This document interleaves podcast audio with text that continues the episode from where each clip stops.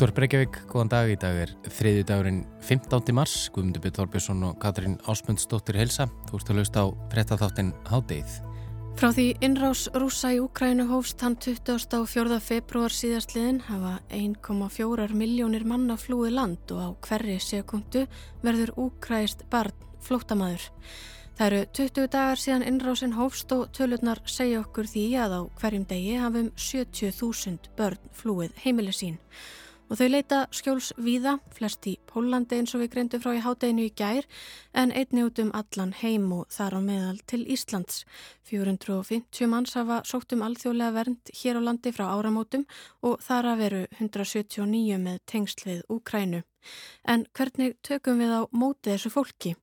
Við ræðum um móttöku flótafólks við Svein Rúnar Sigursson Lækni og tónskáldi síðar hluta þáttarins en hann hýsir nú úkrænska fjölskyldu á sínu heimili og hefur sterk tengsl við landið.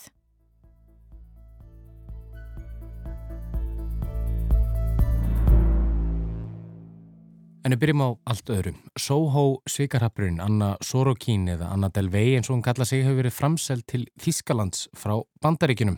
Fram að fangilsisvistinni hefur hún lifað glæstum og ríkmannlegum lífstíl frá því hún kom til Stórborgarinnar sem einkendist af rándirum merkjavörum dvölum á fínustu hótelum í New York og vestlum með fína og fræga fólkinu.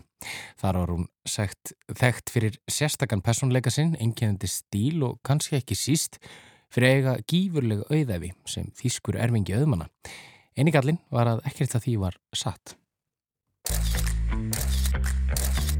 Many people see you as the ultimate scammer. Are you scamming us? Do you feel scammed? Pay me my money. Á meðan Anna Sorókin seldi hverjum þeim sem varð á veginnar í Stórborginni þá hugmynd og ímynd að hún væri Anna Delvi dóttir Þískra auðmanna, yfir stjættastúlka sem ætti von á að erfa um 60 miljónir bandaríkjadala eða svo eða um 8 miljardar íslenskra króna. Það var raunin önnur. Hún hétt ekki Anna Delvi ef við byrjum bara þar. My name is Anna Delvi, A-N-N-A-D-E-L-V-E-Y. Heldur Anna Sorokin. Hún var ekki þýsk, heldur rúsnesk og hafði engan aðgangað auðæfum, hvorki frá fóreldrum sínum eða öðrum og hvorki þá nýja síðar. Hún var sérsagt ekki erfingi þískra auðmanna. Where's the name Delphi come from? No, I just came up with it. You just made it up? Yes. Sorókin hafði þó búið í Þískalandi, flust þanga með foreldrum sínum, fluttningabílstjóra og verslunarmanni á úlingsárunum eða þegar hún var 16 ára gömul. Hún virðist alltaf hafa verið stórhuga og fljótt eftir að hún útskrifaðist komst hún í starfsnám hjá franska tískutímaritinu Purple í París. Þar fekk hún að fara með samstagsfólki sínu hjá tímaritinu á tískuvikuna í New York og þá urðu kaplaskil í lífennar. Stórborgin kallaði. Þá var bara eftir að festa rætur og reyna að koma sér almennilega fyrir því einhvern veginn þurfti lítill fiskur í risastóri tjörn að ná að vekja á sér aðtilli.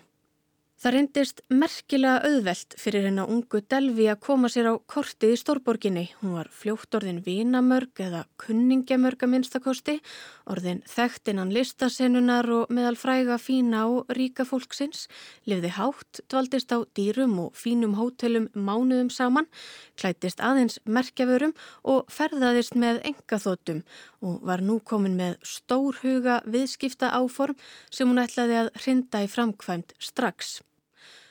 Hún ætlaði að stopna enga klúb eða listastopnun með meiru í einni glæstustu byggingu stórborgarinnar og það án þess að eiga krónu. En einhver eða einhverjir þurftu þó að kosta þennan dýra lífstíl og viðskiptaplönin.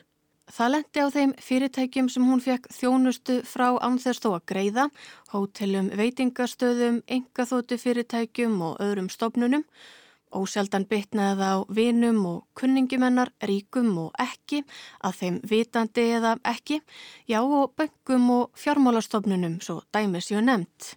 So Til að mynda tókst henni að sannfæra bandaríska virta fjármálastofnun að lána sér nokkur 100.000 dala fyrir áformaðan listaklúpin eða um 21 miljónir íslenskra króna. Alltaf var eitthvað að kreditkortinu hennar. Pappinar hafði lokað bankareikningunum hennar vegna ósættis feðginana á milli. Millifærslur milli landa virkuði ekki og þar fram eftir gödunum. En með brellibröðum á henni hafa tekist að svíkja út allavega um 300.000 bandaríkjadali eða um 36 miljónir íslenskra króna á árunum 2016 og 17 með þykjustuleik sínum, sérstökum personuleika, sjálfsöryggi og sjarma. En í dag þvert tekur þó Delvi fyrir að hafa nokkuð tíman beitt blekkingum eða brellibröðum Allt hefði þetta gengið upp á endanum og borgað sig, hún hefði geta greitt öllum tilbaka, bara ef henni hefði tekist að koma upp elitísku listasamtökunum sínum. Did you tell people that you were an heiress? Absolutely not. I never say it's like, hey, man, I'm a socialite. Like, who says that? The idea would be for this business to work and I would just repay everything. En yfirvöld og kviðdómur tóku hann á endanum ekki trúanlega. Anna Sorókin var handtekinn í sérstakri leinilauruglu aðgerð 3. oktober árið 2017 þar sem hún var stött á luxus fíkni meðferðarheimili í Kaliforníu og flutt þaðan í varðhaldi New York. Réttarhöldi máli hennar hófust svo í mars 2019 og voru vist mikið sjónar spil en verjandi hennar samþykti að ráða fyrir hennar stílista sem tryggði að hún væri ávalt í sínu fínasta merkjavörupúsi í réttarsalnum og aðtæfið og mikil fengleg dressin vöktu mikla aðtikli á samfélagsmiðlum og í fjölmiðlum vist við lítinn fögnu dómarans. En þótt verjandi hennar hafi reynd að halda í fram að Sorókin væri bara miskilinn frumkvöðull sem hefði tekist að skapa sér ótrúleg tækifæri í stóra eplinu, úrskurðaði kviðdómur hann að seka um Ímis brot, fjársvik og þjófna þar á meðal. Og þannig fór að hún var dæmt til fjögra til tólf ára fangelsisvistar, segtuð um 20.000 dala og gert að endurgreða þær skuldir eða þann þjófnað sem hún hafi stundað sem og auðvitað lögfræði kostna sinn, engar smá fjárhæðir sem sagt. Hún satt svo inni í um það byrj fjögur ár þar á meðal í hennu allræmda rækers fangelsi. Að hennarsögn tók þó fangelsisvistin ekkert sérlega mikið á, var meira græðandi en nokkuð annað. In a way that was therapeutic. I mean, it's a... Therapeutic? I, for example, use the time like to read a lot and to write. Það sé hennar skoðun að fangelsisvist sé ekkert annað en tímasóun. Það kom þó eitt og annað úr fangelsistölinni og meðan á henni stóð seldi Anna réttina sögu sinni fyrir víst hundruði þúsunda dollara eða minnstakosti nóg til að greiða allar dómskuldinnar og samtega afgang fyrir sjálfa sig. Sagan hennar varð svo að Netflix þáttaröðinni Inventing Anna sem er mikið á milli tannana á fólki einmitt um þessar myndir. February 11. 11th, you walked out of prison a free woman. Sorókin var látin laus 11. februar í fyrra og sagðist á frelsinu fegin. What did that feel like? I felt great. It's exciting to be out and I'm really happy. Hennar fyrsta verk sem frjálskona var að skrá sig inn á samfélagsmiðla. Phone, so. Meðal hennar næstu verka var svo að halda aftur til New York, tjekka sig inn á fínt hótel og ráða svo tökulið frá Þískalandi til að taka upp og skrásetja lífennar. En frelsið varði stutt, eða aðeins í um sex vikur. Þá var Anna Sórukin aftursett í varðhaldi þetta sinn af innflytjanda yfirvöldum því vegabrjöfsáritunennar var runnin út. Þar hefur hún svo beðið eftir að vera brottvísað úr landi eða þanga til í gær. En erlendir fjölmilar greina frá því að þá hafi hún loksverið framselt frá bandaríkjunum, farið beint úr varðhaldi um borði flugvél og alla leið svo aftur heim til Þýskalands. En hvað býður hennar þar? Hvað næst? Jú, Sórukinni með Ímisjátni í eldinum hefur til dæmis þegar skrifað undir bókaútgáfu samningum lífennar. Hún segist þá einnig vilja vinna að úrbætum málefna fanga og svo kannski ekki síst að því að bæta ímynd sína út á við. I would like to show the world that I'm not this dumb greedy person that they portrayed me to be. Hún segist þá stefna því að gera það besta úr stöðunni, vinna með afleiðingar gjörða sinna og ekki endurtaka leikinn og fyrri misgjörðir. Eitt er að minnstakosti víst, Anna Delvi eða Anna Sórókin vekur aðtykli hvert sem hún fer og heldur henni. Og þeir eru ófáir sem fylgjast með hennar hverju fótmáli um þessar myndir, spendir að vita hvað hinn allræmda Anna gerir eiginlega næst. How would you describe the real Anna Delvey? Who is she? Oh, that's such a loaded question. Frá því að innrás rússan í Úkræni hófst hann 24. februar síðastliðin er talið alltaf þrjár miljónir Úkrænum hann að hafi flúið land og ekki er vita hvað margir er á vergangi innan Úkrænu en ljóst er að svo tala hleypur á miljónum sömu leiðis. Frá því að innrásinn hófst hafa líka 1,4 miljónir barna eh, flúið eh, land og á hverju sekundu verður Úkrænst barn flótamaður eins og við heyrðum eh, frá í háldeisfréttum. Og þessi flottamenn þau leita skjóls víða, flest í Pólandi og nágrannaríkjum Úkrænu í vestri, en einnig út um allan heim og þar á meðal hér á Íslandi. Um 450 manns hafa sótt um alþjóðlega vernd hér á landi frá árumótum og þar að veru 179 með tengsli við Úkrænu. En hvernig tökum við á móti þessu fólki? Við ætlum nú að ræða þessum móttöku flotta fólks við Sveinúrnar Sigursson, Lækni og Tónskáld. Velkomin Svein. Kæra þakkir. Sveit, þú hefur uh, mikil og sterk tengst við Úkrænu og, og áttu úkrænska fjölskyldu og, og hýsir nú flóta fólk á, á þínu heimili. Við getur kannski bara byrjað að segja okkur aðeins uh, hvernig, hvernig eigum við að bregast við þessum mikla fjölda flótamanna sem er nú að koma til Íslands? Já, það er alveg ljóst eins og ert að nefna með yfirferðinni á þessari tölfræði að, að neyðin er mikil og hinga mun koma mikið af fólki uh, bara af áður óþögtum fjölda uh, á það byrjur líka líta að, að sko fólk uh, leitar fyrst á náður þeirra ríkja sem standa næst Úkrænu og engum í vestri.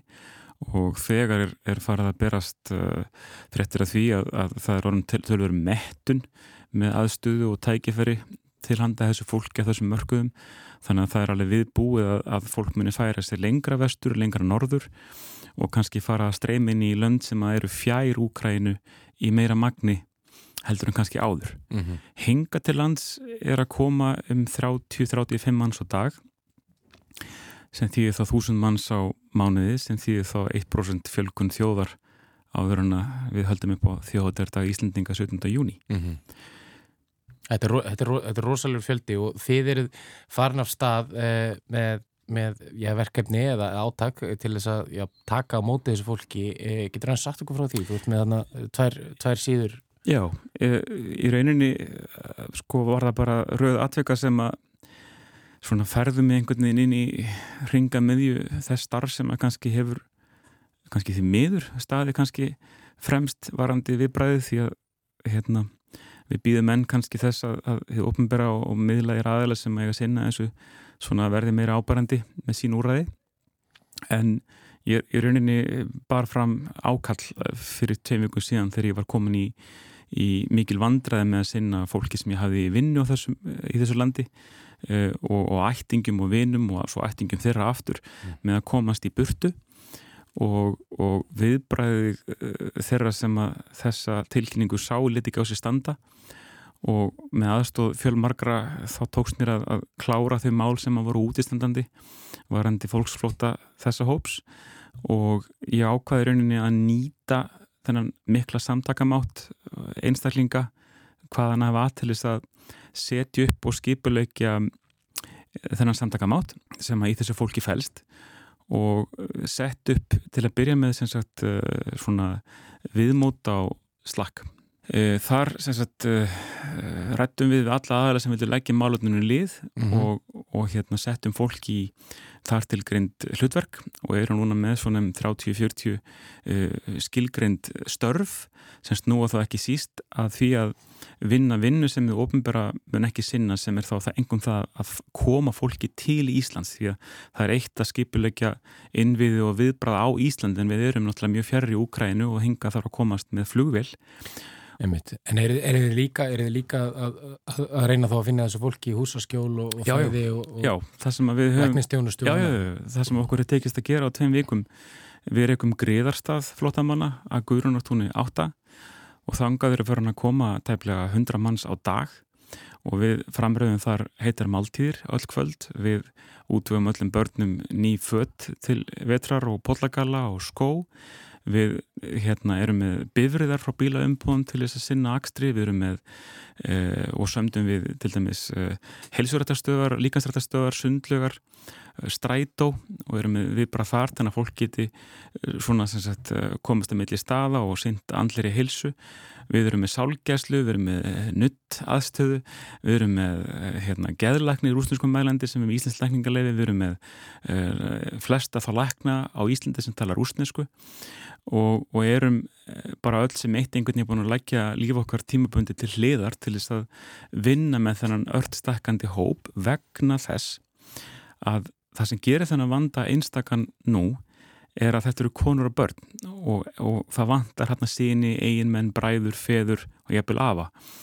Um, það leiðir af sér uh, þann, þannig vanda að fólk, þetta fólk á erfitt með að hóra til morgundagsins og svo hitt að, að ef að við erum ekki að taka að móta þessi fólki sem allur heimurinn er upplýstur um að er, er, er þrautsegt og viljugt til vinnu og baráttu að þá, þá er hætt við að að þetta verði, hvað að segja, baggi og samfélagi okkar ef við virkjum ekki þennan, þennan hóp til, til verka vegna þess að, að uh, það að sitja hótelherbyggi og, og býða uh, hérna, með eitt síngkort af opni og máltíð í fröðblasti þrísvara dag án annarar aðkomu í, í formið sko, þess að taka utan á fólki, það leiður bara sér sjúktuma byrði sem mun hafa meiri kostnaði þau með sér til okkar versus það að virka þetta fólk til vinnu og og það er svona megin áherslan í okkar starfi og þess vegna erum við að gefa þessum almanna heillar samtökum nafnið flotta fólk, ekki flótta fólk til að minna á að þetta er auður en ekki byrði og getur orðið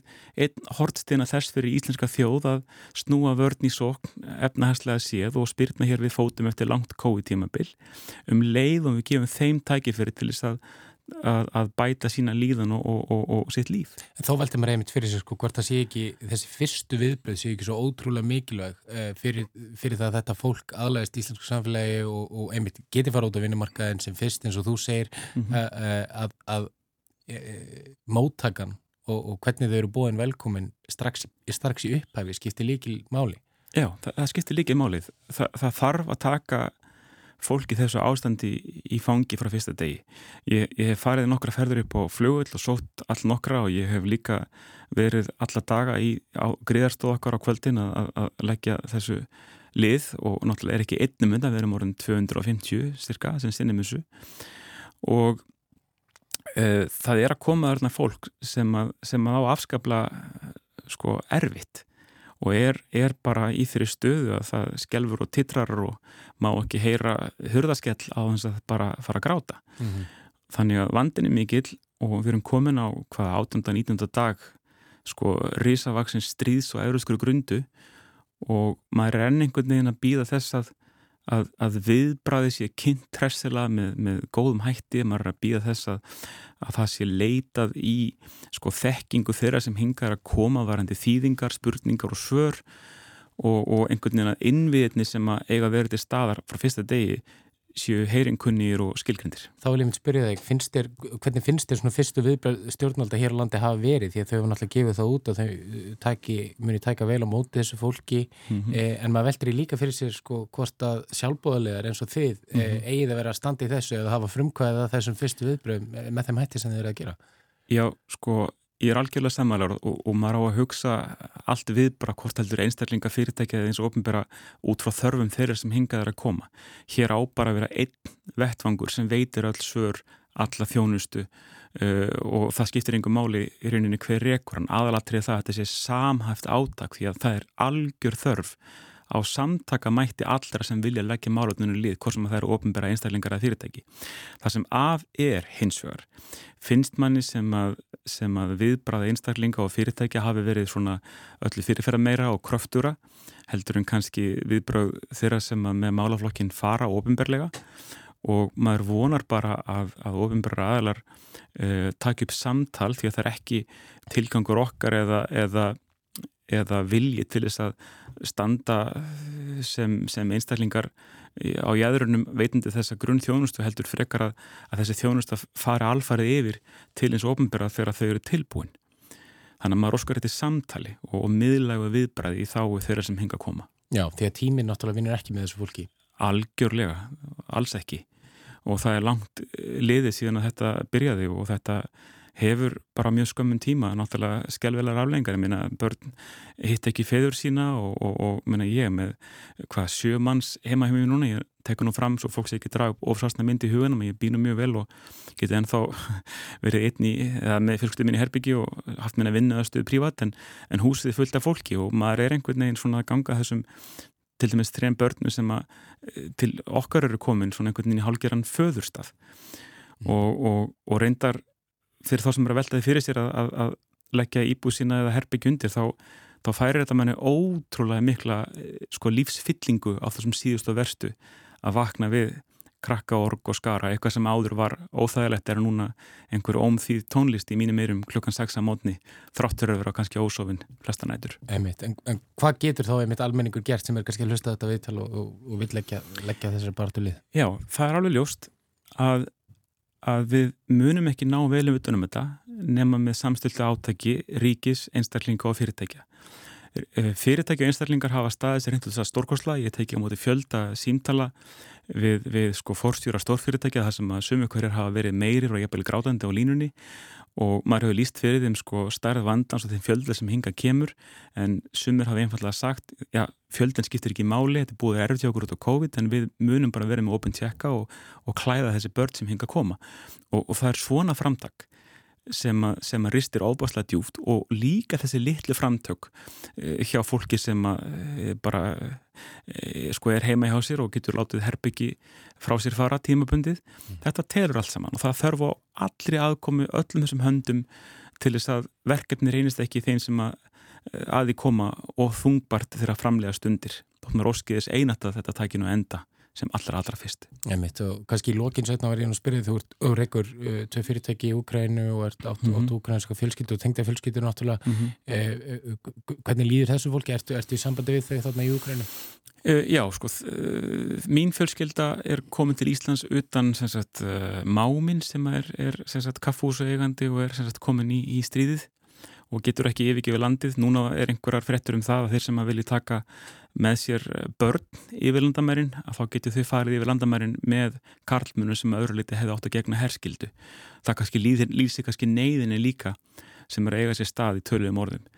Um, fyrirtekin mín, þau eru ennþá starfandi, þetta eru tölufyrirteki og fólk sem sagt, uh, hefur flúið í allar áttir og sinni, sinni vinnu áfram í fjárvinu en, en fólki í bröðuð og kannski svona í blálogin vil ég segja frá því að, að einn úr okkar starfsmannahóp flúði mitt til Donbass 2014 og hann er svo eini sem hefur ekki hreift sig frá kænugarði og hann er svo daunaður fyrir stríðs ástandi að hann tala við okkur á starfsmannafundum já, eins og ekkert hefði skorist nánast ónæmur fyrir þeim hörmungum sem hann býr við á þessum konur svona barni. En hann er bara ennþá í vinnunni? Hann er ennþá í vinnunni frá Kíif og, og einhvern veginn er, er ónæmur fyrir sprengingum og stríði allt í kringum hann. Einmitt að, kæra þakki fyrir komuna í ádegið Söður Drúnar Sigursson, við komumst ekki lengra að því miður með þetta samtali í billi en ádegið verður hér aftur á sama tíma á morgun. Já, þátturinn er einnig aðgengilegur í spilaranum og á hlaðvarpsveitum og það er alltaf hægt að senda okkur post með ábendingum á netfangið hádegið hjá rúf.is Verðið sæl